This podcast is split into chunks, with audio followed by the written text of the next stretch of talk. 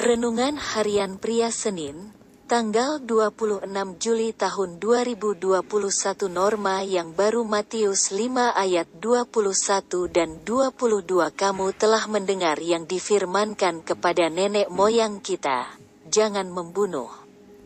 Siapa yang membunuh harus dihukum. Tetapi aku berkata kepadamu, setiap orang yang marah terhadap saudaranya harus dihukum.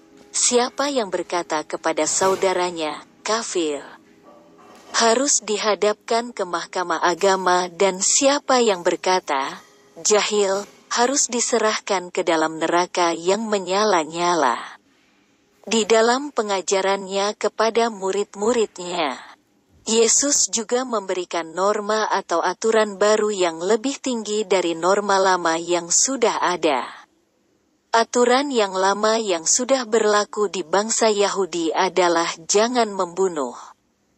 Yesus mengajarkan norma baru yang sepertinya biasa dan dianggap tidak masalah, tetapi bisa merusak banyak hal, yaitu marah dan perkataan yang menghina, mengutuk, dan merusak.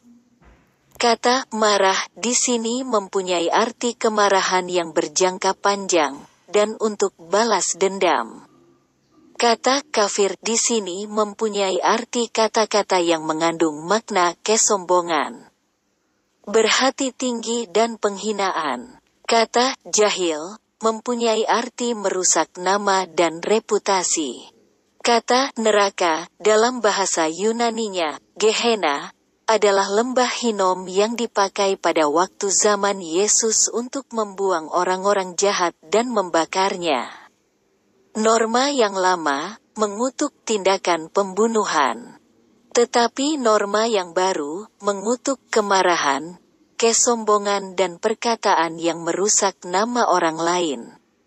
Bagi orang-orang yang dikuasai oleh kemarahan dan perkataan-perkataan jahat, kehidupan mereka seperti ada di dalam lembah Hinom, tidak ada sukacita dan damai sejahtera. Oleh karena itu, Marilah kita sebagai orang-orang percaya. Kita selalu minta pertolongan Roh Kudus untuk menolong kita dalam menjaga hati dan mulut kita.